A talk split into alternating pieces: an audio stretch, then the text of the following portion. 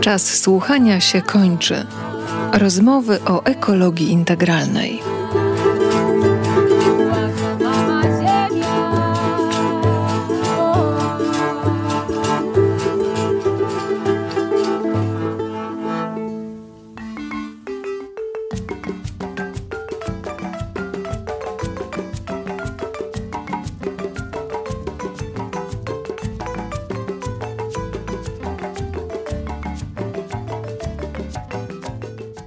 Andrzej Grupa.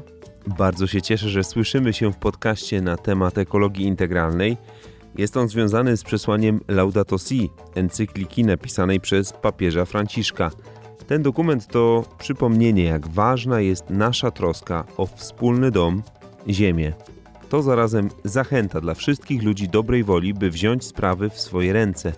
Bez Laudato Si nie byłoby projektu Caritas Laudato Si, setek inicjatyw lokalnych, tego podcastu pewnie też by nie było. Wejdź, zobacz, posłuchaj laudatosi.caritas.pl Dużo wartościowych treści, tylko sprawdzone informacje.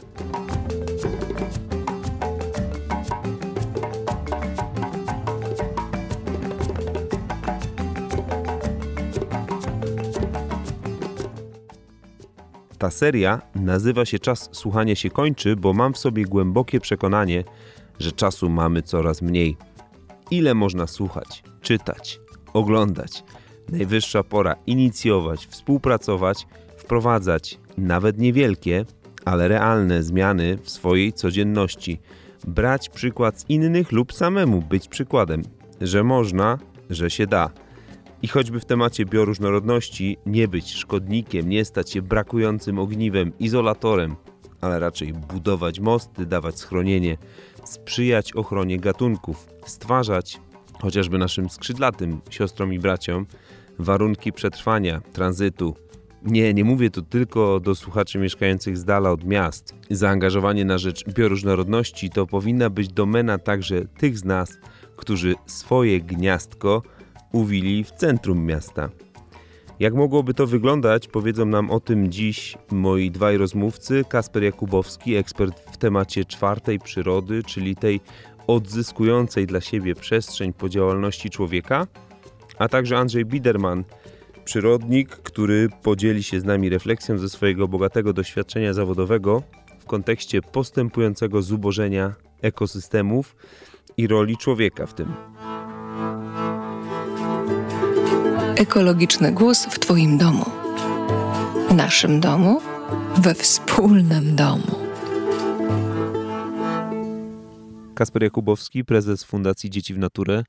Bardzo serdecznie witam.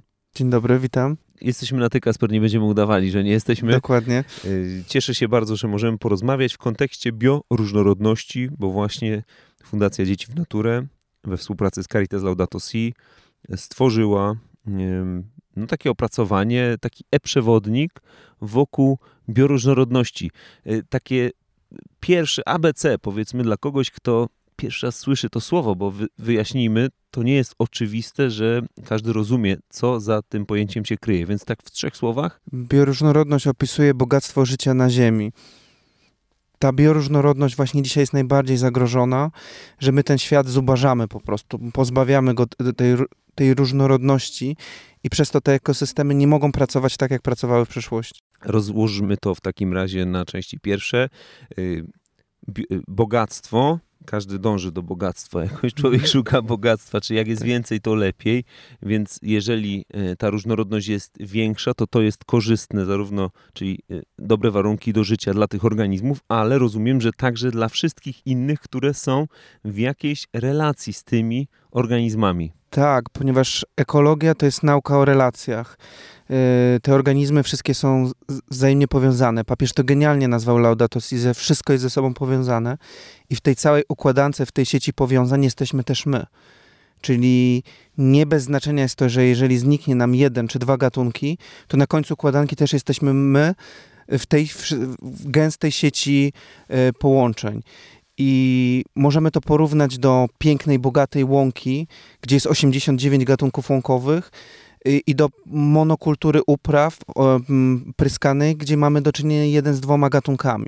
Tam nie ma motyli, nie ma ptaków i w konsekwencji to też nie jest dobre dla ludzi i dla jakości żywności, która jest tam produkowana. I od razu dotykamy y, pytania, o które chciałem cię za, zaczepić, to znaczy, y, czy większym wyzwaniem y, bioróżnorodność jest dzisiaj w miastach, czy na wsi? Bo z perspektywy miasta wydawałoby się, że to taki temat y, dla ludzi mieszkających z dala od miast, gdzie jest, y, y, są duże tereny, na których rządzi przyroda, ale chyba niekoniecznie tak jest. Tak, jeszcze do niedawna mm, miasta były antytezą przyrody i rozwijaliśmy się w miastach kosztem przyrody. Nie było to jakby miejsca. Dzisiaj widzimy, że jest ogromna rola miast w ochronie przyrody. I w XXI wieku to w wielu miastach europejskich, ale nie tylko europejskich, są realizowane niezwykłe projekty renaturyzacji, dające nadzieję. Odbudowuje się siedliska, odbudowuje się tereny podmokłe, odtwarza łąki, są projekty zielonej urbanistyki, gdzie dosłownie zatapia się y, budynki w zieleni. To już się dzieje tego typu i przede wszystkim obejmuje ochroną tereny przed zabudową. Czyli dąży do jakiejś równowagi między tym, co ma być zabudowane, a tym, co nie ma być zabudowane i ma być dla mieszkańców i tych wszystkich ist innych istot, z którymi współdzielimy wiele przestrzeni. Odnośnie wsi, my dzisiaj widzimy ogromne załamanie różnorodności biologicznej na wsi. To przemysłowe rolnictwo E, właściwie zmieniło krajobraz w ciągu dwóch, w ciągu właściwie jednej dekady, zmieniło krajobraz taki tradycyjny, rolniczy, znika nam ten pasiak pól, miedze, zagajniki, właśnie wchodzą monokultury upraw, a wraz z tym znika nam wiele gatunków do niedawna popularnych, wróble, derkacz, czajka, pliszka żółta, to mógłbym wymieniać całe, też gatunki łąkowe i owadów, E, mamy problem z ogromnym zanikiem owadów zapylających. I jeszcze powiem na Twoje pytanie, to jest ciekawe, że te owady często swoje refugium, czyli schronienie, znajdują w miastach. Miasta przez to, że jest wciąż jeszcze dużo nieużytków, e, że wysiewamy łąki kwietne, że pozwalamy niektórym trawnikom zarastać i nie kosimy je na przykład w danym roku i zakładamy zielone dachy, zaczynają być miejscami przyjaźniejszymi dla tych owadów, które znikają nam w, z krajobrazów wsi. Poza tym polskie miasta wciąż jeszcze mają stosunkowo dużo półnaturalnych terenów. E, łąki kośne, e, lasy, które nie muszą konkurować z lasami gospodarczymi, ogródki działkowe, nasze ogrody. To wszystko, ta mozaika powoduje, że ta bioróżnorodność wciąż w nich jest i, i musimy o nią zadbać dziś. Powiedziałeś, że miasta w Polsce jeszcze mają bardzo wiele miejsc półnaturalnych. Mhm. Jesteśmy w, świadkami spektakularnego rozwoju, szczególnie mhm. metropolii, ale też powoli te mniejsze miasta zabudowują się chętniej. Tak. E, są nabywcy dla nowych inwestycji. Coraz częściej pracujemy zdalnie, więc nie ma problemu, żeby pracować zdalnie ze Skierniewic, Kalisza, e, no przepraszam, wszystkich Kaliszan, ale e, z mniejszych miejscowości Y, także w wielkich firmach, które mają y, swoje siedziby najczęściej w, w tych metropoliach polskich. Ale w związku z tym zagrożone są te, te miejsca półnaturalne, bo nie brak takich miejsc, gdzie często brakuje pomysłu, troszeczkę nie wiadomo do końca, jaki jest y, plan zagospodarowania przestrzennego dla danej działki, a czasami chciałoby się, żeby, jeżeli nie wiemy, co z tym zrobić wtedy, czy zabudować, czy, czy wybetonować, Niestety y, widzimy to, że za ten rozwój miast teraz najwyższą cenę właśnie płaci przyroda. Y, a potem też mieszkańcy, którzy są coraz bardziej od niej odseparowani. I rzeczywiście ta sytuacja, o której mówiłem, ona się dynamicznie bardzo zmienia. Chaotyczna zabudowa, która przycina korytarze, zabudowywanie łąk, w ogóle o łąkach piszemy bardzo dużo. Właśnie tych półnaturalnych łąkach, które postrzega się jako miejsce składowania odpadów, jako coś, gdzie można zdegradować te ekosystemy, które kształtowały się przez wieki. Ba, one się kształtowały przez mądrą, zrównoważoną, powiedzielibyśmy dzisiaj, współpracę człowieka z naturą, który kosił, wypasał zwierzęta, korzystał z zasobów tej łąki, a jednocześnie przez to, że robił to w taki, a inny sposób, tworzyła się ogromna bioróżnorodność. Całe te bogactwa gatunków kwiatów, kosaćce, e, pełniki, storczyki, to są wszystko e, rośliny w ekosystemach, które powstały we współpracy człowieka z przyrodą. Dzisiaj to znika na naszych oczach. E, pojawiają się gatunki obce jeżeli nie będziemy kosić tego, nie, nie będziemy utrzymywać tej tradycyjnego gospodarowania łąk, to wejdzie tam nawłoć kanadyjska, to wejdzie No właśnie, ale zaraz, zależało nam na bogactwie, na mhm. bioróżnorodności. Szukamy tak. bogactwa, ale Nie, jest, jest granica, jak rozumiem. To znaczy nie wszystkie gatunki uważamy za to, że za, za korzystne. Tak, bardzo też e, dużo zależy od kontekstu miejsca. Rzeczywiście, jeżeli nie będziemy, pytanie, co chcemy chronić. W przypadku łąk chcemy ochronić ten konkretnie zestaw gatunków, e, z którymi związane często są zagrożone motyle, modraszki, o których też piszemy e, w tym krótkim e-booku. I tam celem ochrony jest właśnie to bogactwo gatunków i tych relacji, które tam były. Jeżeli zaprzestaniemy tego robić, wydawałoby się, że nawet mogłoby być dobre, bo w końcu im mniej ingerujemy czasem, wydaje się, że jest lepiej. To akurat w przypadku tego typu ekosystemów, jakie są półnaturalne łąki, to po, nastąpi degradacja, bo w miejscu 80 gatunków będziemy mieć do czynienia, no tak w uproszczeniu, z jednym, dwoma gatunkami, z nawłocią kanadyjską, która jest tak inwazyjna dzisiaj, nie z gatunkiem rodzimym, że potrafi skutecznie wyprzeć inne gatunki. I pytanie, o co nam chodzi? Bo myśmy tu wzięli odpowiedzialność za ten ekosystem i my dalej musimy, musimy to robić. Nie? Jeżeli nie, też nie będziemy mieć świadomości i nie pokażemy tych zależności, to my nie będziemy wiedzieć, co stracimy. I w tym naszym e-booku my cytujemy papieża. Myśmy stracili mądrość współistnienia z wieloma gatunkami. To, co dawniej mieliśmy, myśmy to utracili, musimy zbudować, nauczyć się tego na nowo, zobaczyć, jak możemy zrozumieć potrzeby tych innych istot i im pomóc. A żeby im pomóc, to musimy zachować środowiska ich występowania. Te nisze, w których występują w miastach, jakiego potrzebują ekosystemów. I w pewnych ekosystemach kosze, koszenie na przykład tych łąk okaże się niezbędne.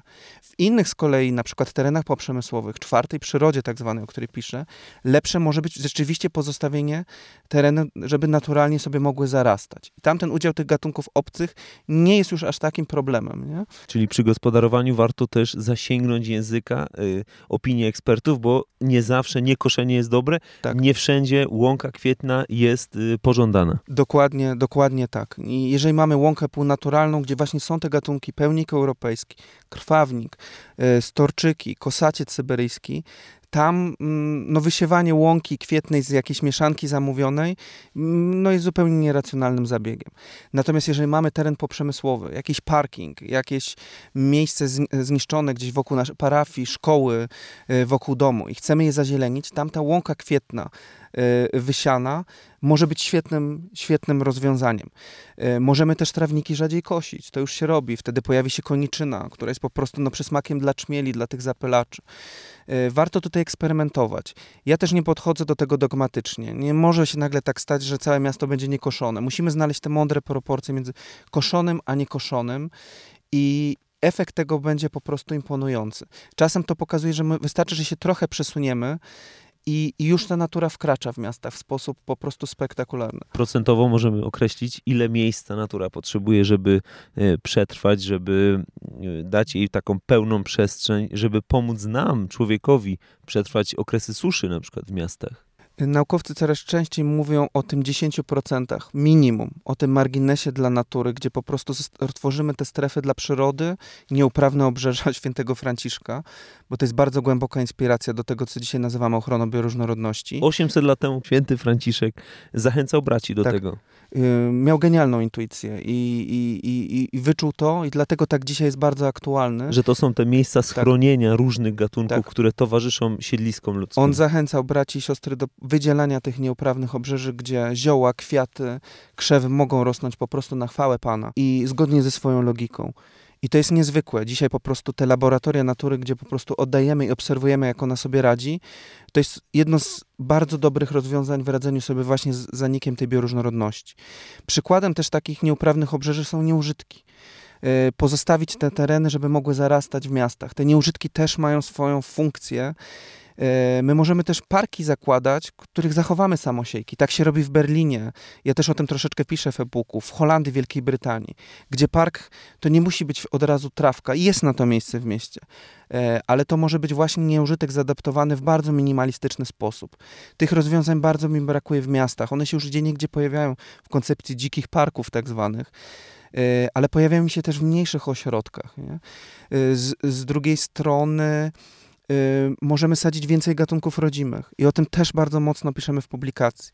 Mamy wszędzie tuje, y, przy parafiach, na cmentarzach, w naszych ogrodach, w przestrzeniach przyszkolnych, y, tawuły, rododendrony, y, ale dzieci nie znają gatunków rodzimych, a one są piękne. Mamy chyćkę, czyli czarny bez, która służy i owadom, i ptakom, ale też nam, my możemy korzystać, to są gatunki jadalne. Mamy derenia świdwe. Może nie jest tak piękne jak te ozdobne derenia, ale świetnie służy ptakom i zapylaczom. Mamy wreszcie kalinę koralową. Jeżeli chcemy zwiększyć bioróżnorodność w naszym ogrodzie czy w okolicy, sadźmy żywopłoty z kalin koralowych.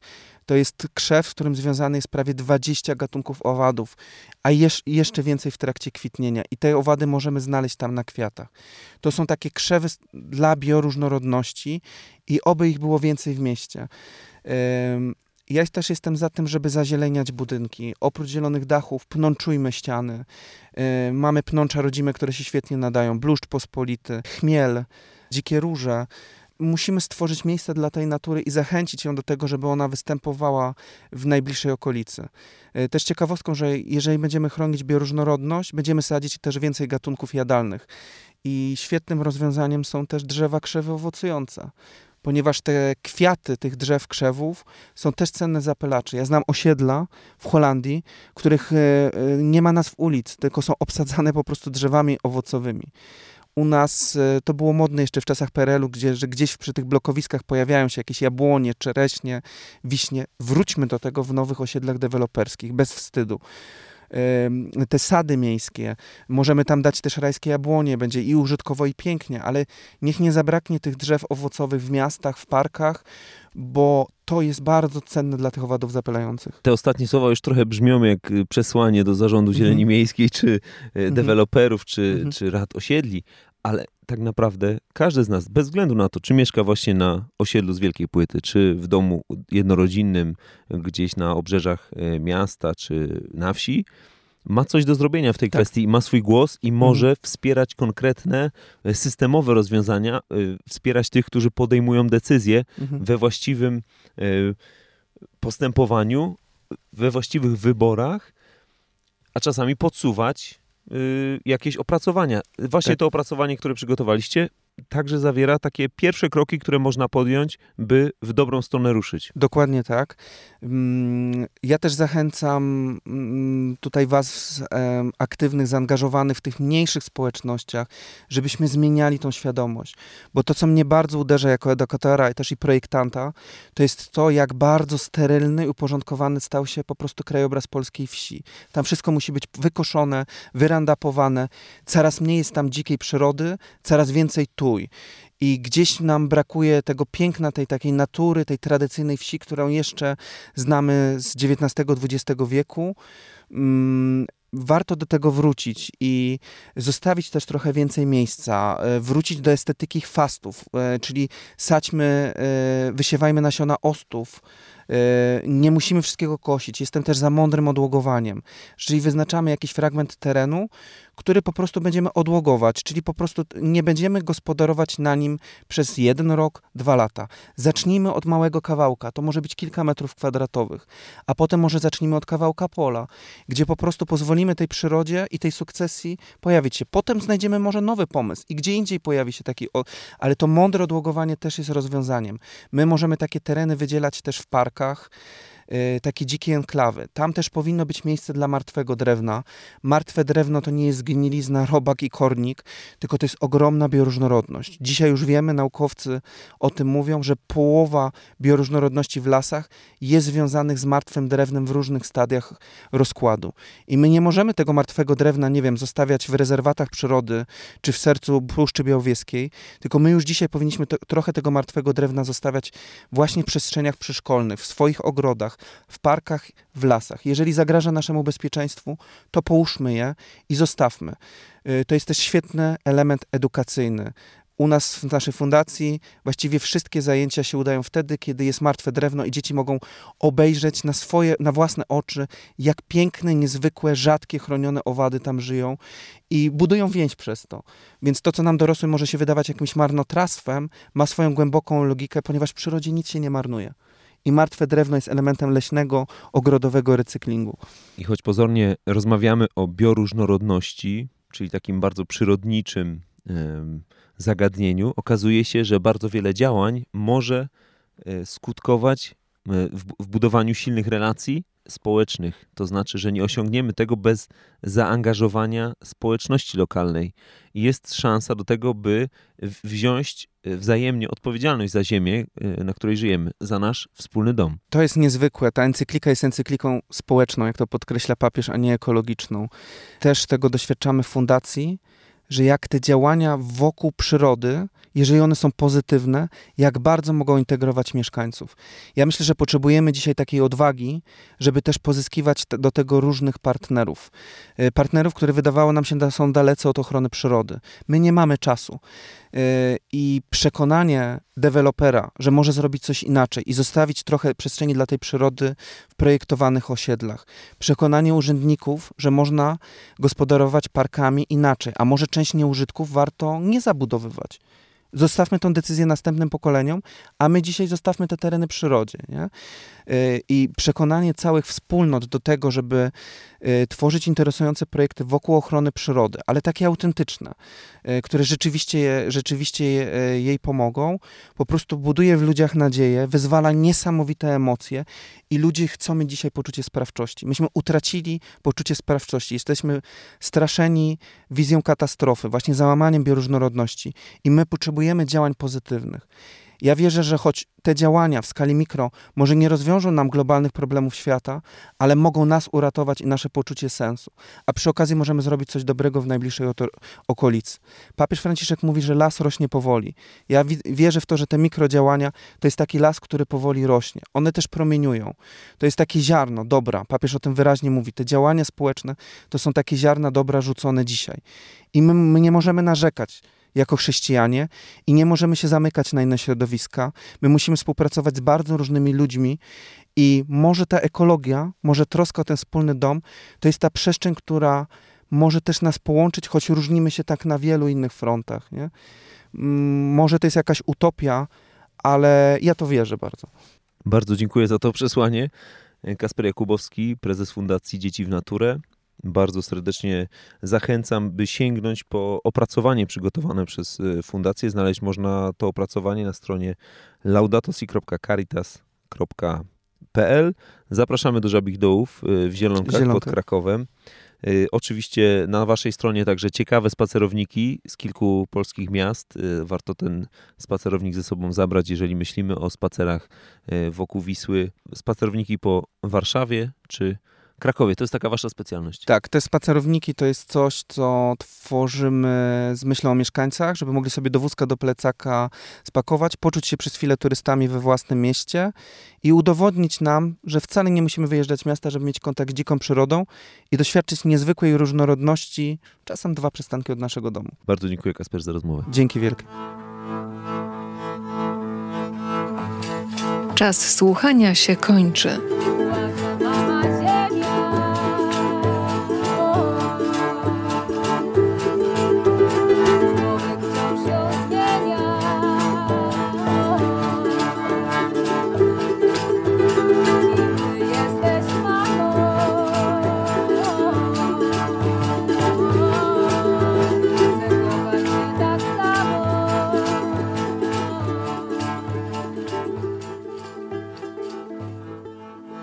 Moim drugim rozmówcą dziś jest Andrzej Biderman, edukator przyrodniczy, który ma za sobą 16 lat pracy w Parku Narodowym.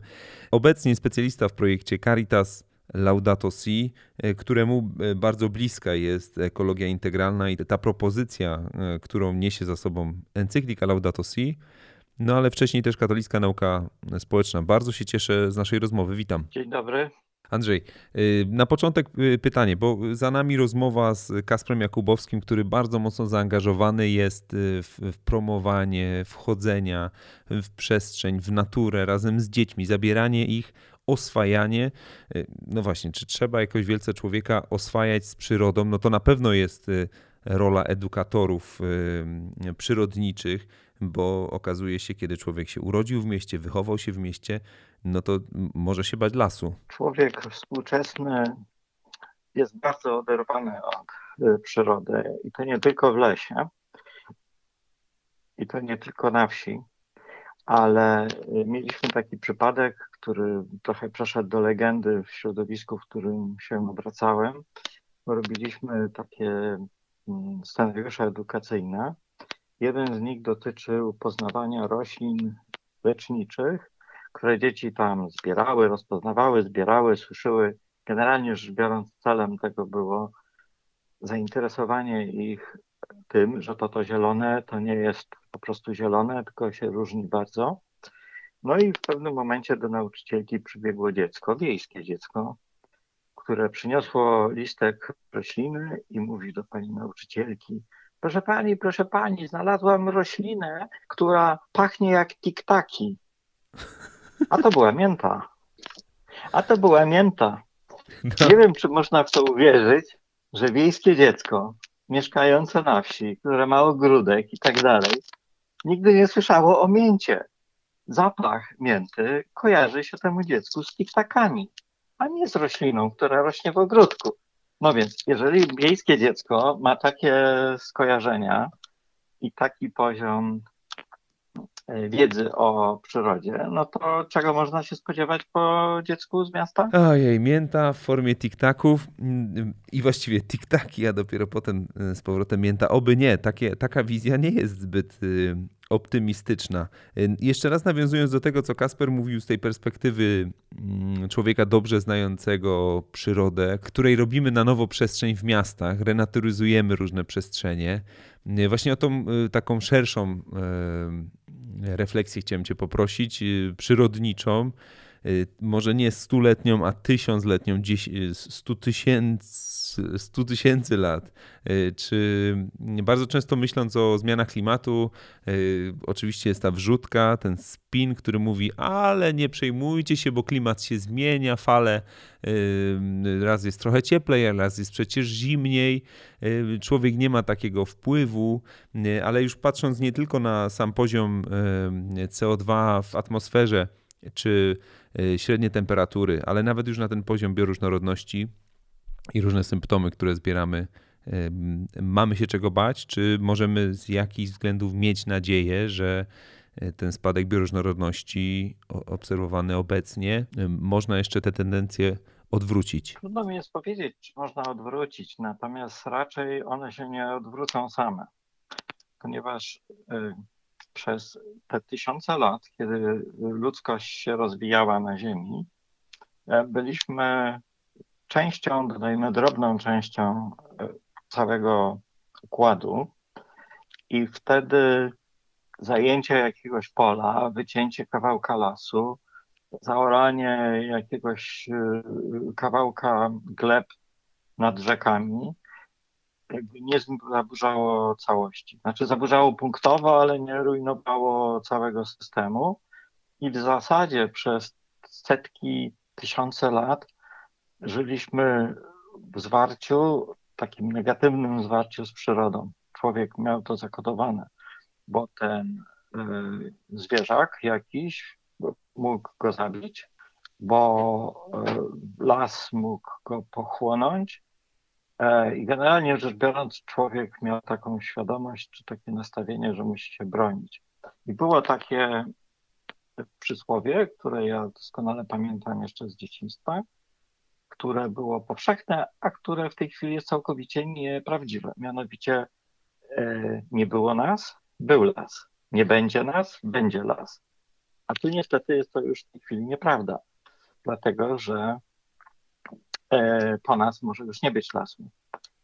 I teraz oczywiście z perspektywy kogoś, kto mieszka na wsi, czy w pobliżu lasu, no to ten las wydaje się ogromny i generalnie rzecz biorąc, no można sobie myśleć, to jest zawracanie głowy, tutaj u mnie się niewiele zmieniło, bo prawda, że w tej miejscowości, ona takiej powiedzmy no, na wsi, e, szczególnie w środku lasu, ta zmiana nie jest e, taka, taka duża.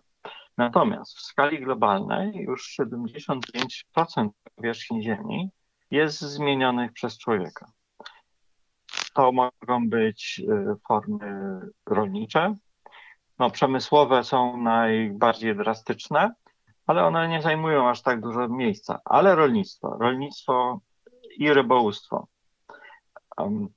Nie, nie wiem, czy y, pamiętamy, ale ja pamiętam, że jeszcze kiedy się szło do sklepu i kupowało ryby, ryby morskie, one były no, jednym z najtańszych produktów. W tej chwili, jak się pójdzie i się chce kupić y, kilogram dorsza, to nagle się okazuje, że on jest drogi, droższy niż wieprzowina, a, a, a prawie tak drogi jak wołowina. I pytanie dlaczego? No właśnie dlatego, że kiedyś dorszy było mnóstwo, a w tej chwili nie ma. Po prostu się y, zmieniły układy y, troficzne w morzach w taki sposób, że te morza już nie żywią tyle dorszy, albo przy takiej intensywności połowów one nie, tracą zdolność odnawiania się. To oczywiście dotyczy nie tylko dorszy, ale w ogóle e, tych organizmów, które w morzu żyją. To powoduje, że ta zasobność, ale również różnorodność zwierząt w morzu też się obniża. Czyli w morzu nie mamy co prawda e, pól uprawnych, no nie licząc jakiś zatok w Norwegii, gdzie się hoduje strągi, ale generalnie rzecz biorąc, niby tam nie ma rolnictwa, niby nie stawia się fabryk, a mimo to e, człowiek ma na tak silny wpływ na to, co się dzieje w morzu, że morze również e, nie jest już samodzielne. Innymi słowy, jest ci bliska e, ta refleksja twojego kolegi po fachu, Sir Davida Attenborough, który w, w filmie Życie na naszej planecie zaczyna ten film od właśnie refleksji, kiedy, który mówi, że miał wielkie błogosławieństwo e, akurat wchodzić w dorosłość w momencie, kiedy rozwijała się telewizja, a co za tym idzie, miał możliwość zobaczyć cały świat w najdalszych jego zakątkach, a zarazem całe bogactwo e, życia na Ziemi.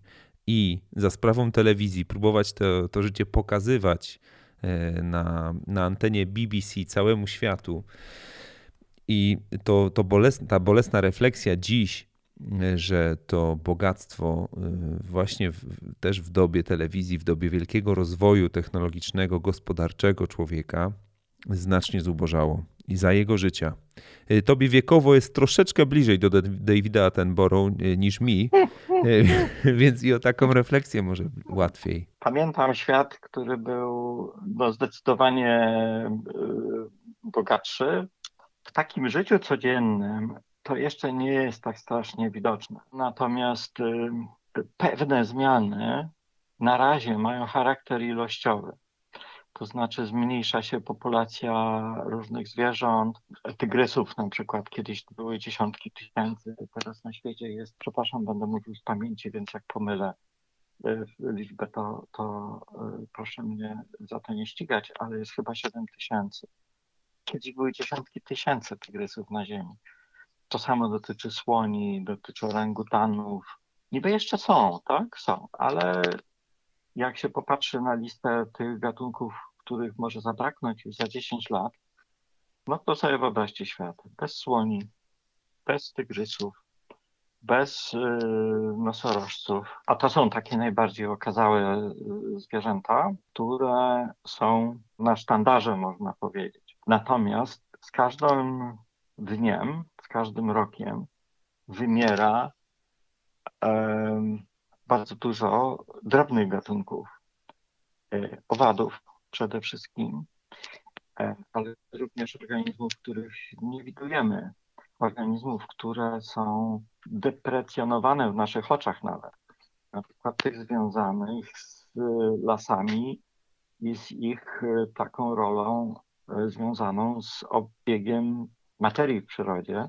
No, mówię po prostu o suchych drzewach, o, o lasach e, i o tym, co się w tych lasach dzieje. Mhm. Zaczynamy to odkrywać, że nawet y, połowę y, tak, bioróżnorodności w, w lasach y, zapewniają martwe drzewa, które są pozostawione, które pozwalają być takimi niesamowitymi hubami E, dla mikroorganizmów, dla różnych organizmów, które e, tam mogą mieć schronienie, dzięki którym właśnie dzięki tej materii e, gromadzonej tam mogą się rozwinąć i przekazywać dalej istnienie, ten cykl E, obieg jest niesamowicie ważny.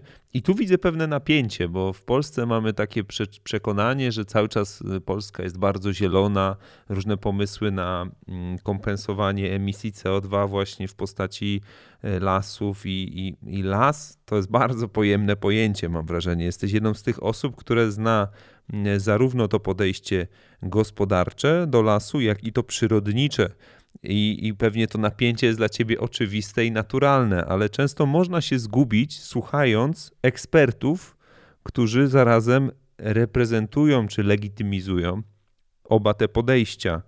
No bo dla wszystkich jest ważny las, ale z różnych względów. Tak, i nie chciałbym być źle zrozumiany w znaczeniu takim, że y, nie twierdzę, że każdy las musi być y, rezerwatem przyrody. Mamy oczywiście lasy, które pełnią funkcje gospodarcze i te funkcje gospodarcze są nam potrzebne.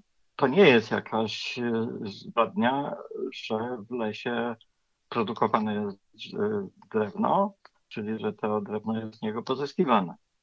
To jest funkcja lasu, to jest gospodarcza funkcja lasu i, e, no i tak po prostu jest. Natomiast jest ogromna różnica między lasem gospodarczym, szczególnie źle prowadzonym, prowadzonym bezrefleksyjnie, a lasem puszczańskim, takim lasem e, naturalnym, lasem starym, lasem pełnym właśnie suchego e, drewna. Zawsze e, uderzało nas, czy dotykało nas, jak pracowałem w parkach narodowych, że wielu ludzi, którzy przychodzili, na przykład szli z, do Morskiego Oka tą trasą w Tatrach i ludzie narzekali, ależ tu się drewna marnuje, oni nie mogą tego posprzątać. Teraz mieszkam na kraju Lasu Kabackiego i ludzie mówią to samo. Ale się zniszczył, to były wichury. Ile leży, marnuje się drewna. Natomiast, tak jak powiedziałeś na początku, ponad połowa roślin, zwierząt, grzybów które są w lesie, związane są z tym martwym drewnem. Czyli jest tak, że bez martwego drewna nie będzie gatunków typowo leśnych. Czyli jakiś ptak, który, nie wiem, kruk na przykład, no, on sobie może w lesie mieszkać, ale to nie taki ptak decyduje o e, leśnym charakterze tego miejsca, bo kruk sobie poradzi na stepie równie dobrze, a dzięcioł trójpalczasty nie. Dzięcioł trójpalczasty, żeby e, się utrzymać, potrzebuje e, martwego drewna, bo tam żyją różne owady, których, e, które są jego pokarmem. Mało tego, to nie tylko jest e, drewno, które w lesie jest, ale najlepiej, żeby to były drzewa stojące czyli sucha matka drzewa. E, I teraz no są oczywiście dzięcioły, jak zielone na przykład, czy czarne, które sobie radzą w różnych miejscach i nie wymagają tego. No ale jest całe mnóstwo gatunków, które uznajemy za leśne i których leśność jest pochodną tego, że jest y, dużo martwego drewna. I teraz przyjmuje się w różnych badaniach, że żeby las uznać za zdolny do utrzymania niezbędnej dla funkcji przyrodniczych ilości destruentów, czyli tych organizmów, które powodują zamianę drewna w próchnicę i kierują go do gleby, z której ta materia organiczna jest na nowo, czy mineralna jest na nowo wykorzystywana przez kolejne pokolenia, i ten las się wzbogaca i rozwija, że ilość tego martwego drewna to jest od 50 do 200 metrów sześciennych drewna na hektar leżącego albo stojącego w lesie, niesprzątniętego. W naszych lasach puszczańskich w Polsce, w Puszczy Białowieskiej, Kampinoskiej e, czy w innych tego typu miejscach, tego martwego drewna w lasach jest około 120 metrów sześciennych na hektarze. To no, mieści się w tych granicach, które przed chwilą zakreśliłem. Natomiast w lasach gospodarczych w Polsce ilość martwych drzew e, wynosi 5,6 metra sześciennego na hektar. Można powiedzieć, że jałowy, jest jałowy taki las. Tak, tak. Taki las Taki las jest jałowy. W takim lesie, jeżeli ktoś patrzy na efektywność produkcji drewna, to oczywiście nic złego się nie dzieje, bo drzewa rosną. Tak, można porównać właśnie do hali produkcyjnej, dobrze posprzątanej, gdzie posadzki czyste tak, i, tak, i, produkcja tak. się odbywa bez zakłóceń. Produkcja się odbywa, ale czy bez zakłóceń to, to leśnicy lepiej wiedzą i oni się na tym znają. I nie miejmy pretensji, że czasami stosują różne techniki, które służą do stworzenia pewnego bezpieczeństwa w takim lesie, takiego biologicznego, ale to jest jak z przeproszeniem pole marchewki. Tylko trochę większe te marchewki. Trochę większe i nie rosną. Nie rosną jeden sezon. Nie rosną jeden sezon, tak. To są trochę większe marchewki, które do dorośnięcia potrzebują z 80 lat. Przez te 80 lat tworzą pewien, pewien mikroklimat, no marchewka jednak takiego mikroklimatu jak las nie tworzy, jak, jak yy, uprawa leśna. Ale tym niemniej yy, to jest uprawa, nie?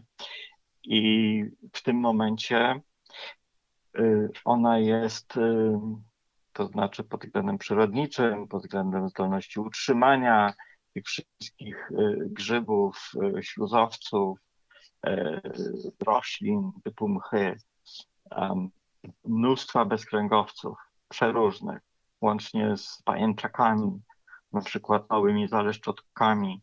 E, zaleszczotki to są takie pajęczaki, które wyglądają jak skorpiony, tylko nie mają tego ogona, tego cymzoła z tyłu. Trafienie na zaleszczotka zawsze wywoływało u mnie jakąś prawie że mistyczną satysfakcję i zdumienie, że w Polsce takie stworzonka żyją. No one są związane oczywiście z takim próchniejącym drewnem. Słuchając Ciebie, Andrzej, yy, zaczynam rozumieć, jak ważne y, dla ekosystemu jest obecność czy wytyczanie parków narodowych, bo mam wrażenie, idąc tu za paraf parafrazując trochę Benedykta XVI, który y, w kontekście wiary, w kontekście współczesności, różnych trudności zachęcał do tworzenia swoistych arek przymierza, arek Noego, które pozwolą przenieść wiarę, chrześcijaństwo w lepsze czasy, e, żeby przetrwać. E, tak tutaj z perspektywy bioróżnorodności, zanim zmądrzejemy jako ogół, jako, jak, zanim ustatkujemy, ustabilizujemy gospodarkę też i, i, i takie tą antropopresję, ludzki wpływ na środowisko naturalne, to żeby te organizmy przetrwały bardzo potrzebne są takie miejsca jak parki narodowe, gdzie wchodząc najmłodsze dzieci wiedzą, że nie można zostawić papierka, rzucić folii, nie można za głośno krzyczeć i nie można nic zrywać, ani listka, nawet nie powinniśmy brać suchej gałęzi na pamiątkę, tylko pozwolić tej przyrodzie e, funkcjonować, egzystować i e, przekazywać życie. Powiedziałeś e, w sumie dwie rzeczy, które są z mojej perspektywy ważne bo zasugerowałeś, że to miałaby być taka arka na przeczekanie do czasu, kiedy jako społeczność zmądrzejemy, co sugeruje całkiem słusznie, że zmądrzejemy. społeczność, że kiedyś zmądrzejemy, ale przede wszystkim, że kiedyś będziemy zdolni do tego, żeby środowisko, w którym żyjemy, było stabilne, ekologicznie i bezpieczne. Dlatego, że to nie jest tak, że stworzenie 5-30 parków narodowych w Polsce czy w jakimkolwiek innym kraju, objęcie nawet 15% y, powierzchni kraju ochroną rezerwatową, że, że to nam załatwia sprawę. I ja myślę, że y, jak znam y, poglądy czy, czy działalność Kaspra Jakubowskiego, to ja się akurat z tym całkowicie zgadzam, że my, ludzie, żyjąc w naszych domach, w naszym otoczeniu, jesteśmy w stanie stworzyć takie środowisko, które będzie również przyjazne dla e, różnego rodzaju zwierząt e, czy roślin, które spowoduje, że nie będziemy izolowani, nie będziemy żyli pod jakimś kosztem, tylko w mniejszym stopniu będziemy zmieniali przyrodę, e, a w większym stopniu będziemy jej częścią, jej elementem, czy będziemy kreatorem tej, tej przyrody którą Kasper nazywa czwartą przyrodą. Natomiast Park Narodowy, no można na niego patrzeć jako na pewną arkę, gdzie te organizmy mają przetrwać, Natomiast on pełni funkcję w układach przyrodniczych jeszcze inną. Szansa na przetrwanie y, zwierząt, bo to akurat wiemy o zwierzętach, jest wtedy, kiedy ich populacje są dostatecznie duże. Bo jeżeli są zbyt małe, to one się będą wyradzać albo po prostu ze powodów zmienności populacyjnej mogą nagle zginąć wszystkie. W związku z tym są takie wyznaczane wskaźniki mówiące o tym, jak duża powinna być populacja, żeby ona była stabilna. E, no i to są tysiące osobników. Ale w jakimś kompleksie leśnym nie żyje 5 tysięcy jeleni, tylko powiedzmy 50. A w jakimś dalej drugim żyje kolejnych 30. Albo na przykład w Puszczy Kampinoskiej, przepraszam, ale nie wiem, ale tych łosi na pewno nie ma jakiegoś przesadnie dużo. I teraz, jeżeli by te miejsca były miejscami izolowanymi, to te populacje by generalnie rzecz biorąc się przepadły z czasem. I nic, y, ogradzanie płotem, bieganie ze strzykawką i takie różne rzeczy niewiele by nam w tym pomogły. Natomiast na szczęście y, świat, przyroda, ekosystemy nie są strukturami zamkniętymi, tylko strukturami połączonymi. Czyli mamy pewne miejsca węzłowe, czyli takie najbardziej naturalne miejsca, miejsca, które w staropolskim języku nazywało się e, matecznikami, ostojami, takimi e, e, miejscami, gdzie te najbardziej dzikie zwierzęta mogą się rozmnażać i przechowywać, ale są też tereny, które są silnie zmienione wokół, które pełnią funkcję barier izolacyjnych, no bo wieś, gdzie dom w dom, płot w płot, nie przepuści żadnego łosia wędrującego z jednego lasu do drugiego, ale ważne jest, żeby zachować jeszcze korytarze ekologiczne.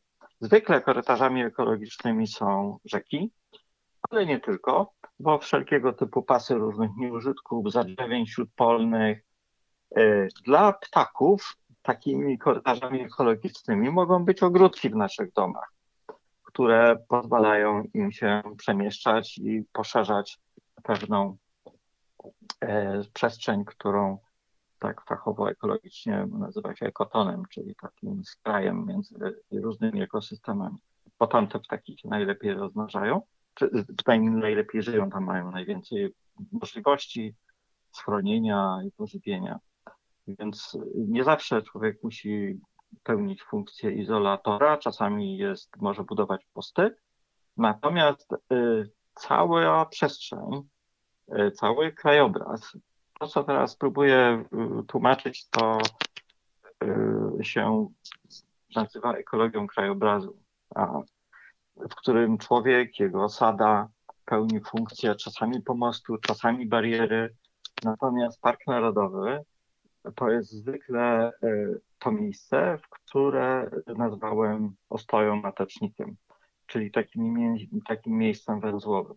Więc on niezależnie od tego, czy y, czekamy na y, dorośnięcie ludzi do pełnej harmonii z przyrodą, czy y, patrzymy na to, jakby co się już miało dokonać, czy patrzymy na to, co jest dzisiaj, to ten park narodowy i tak będzie potrzebny. Niesłychanie ważne jest to, żebyśmy my, ludzie, tu gdzie jesteśmy, uczyli się też budować swoją harmonię z przyrodą.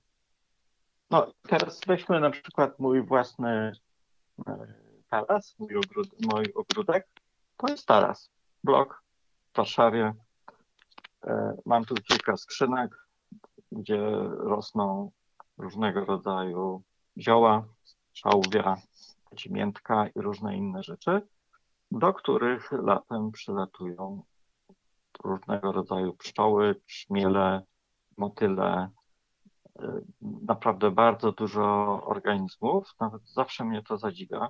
Jako ludzie możemy coś zrobić. My, każdy z nas, dla równowagi. Jeżeli my będziemy przyjaźni przyrodzie, okaże się, że przyroda jest przyjazna również nam.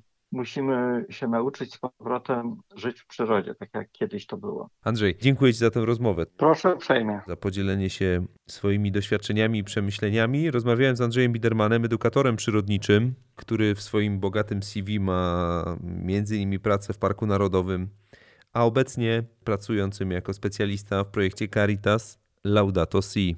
Jeszcze raz dzięki za rozmowę. Dziękuję uprzejmie. Ekologiczny w Twoim domu. Spoglądam na zegarek, rozgadaliśmy się niemożebnie, więc nie dodam nic więcej. E, Poza tym, że koniecznie trzeba zajrzeć na stronę laudatosi.caritas.pl, gdzie w zakładce pobierz bardzo treściwe i atrakcyjne wizualnie opracowanie poświęcone bioróżnorodności, przygotowane przez zespół Fundacji Dzieci w Naturę na zlecenie Caritas Laudato Si. Bezpośredni link w opisie, podobnie jak y, te linki do spacerowników po terenach nadwiślańskich w Krakowie i Warszawie. A żeby nie przegapić kolejnego odcinka naszego podcastu, subskrybuj. Mówił Andrzej Grupa. Do usłyszenia wkrótce. Podcast Czas Słuchania się kończy został przygotowany w ramach projektu Ekologia Integralna Encykliki Laudato Si w działaniu wspólnot Caritas i społeczności lokalnych realizowanego przez Caritas Polska. Został dofinansowany ze środków Narodowego Funduszu Ochrony Środowiska i Gospodarki Wodnej.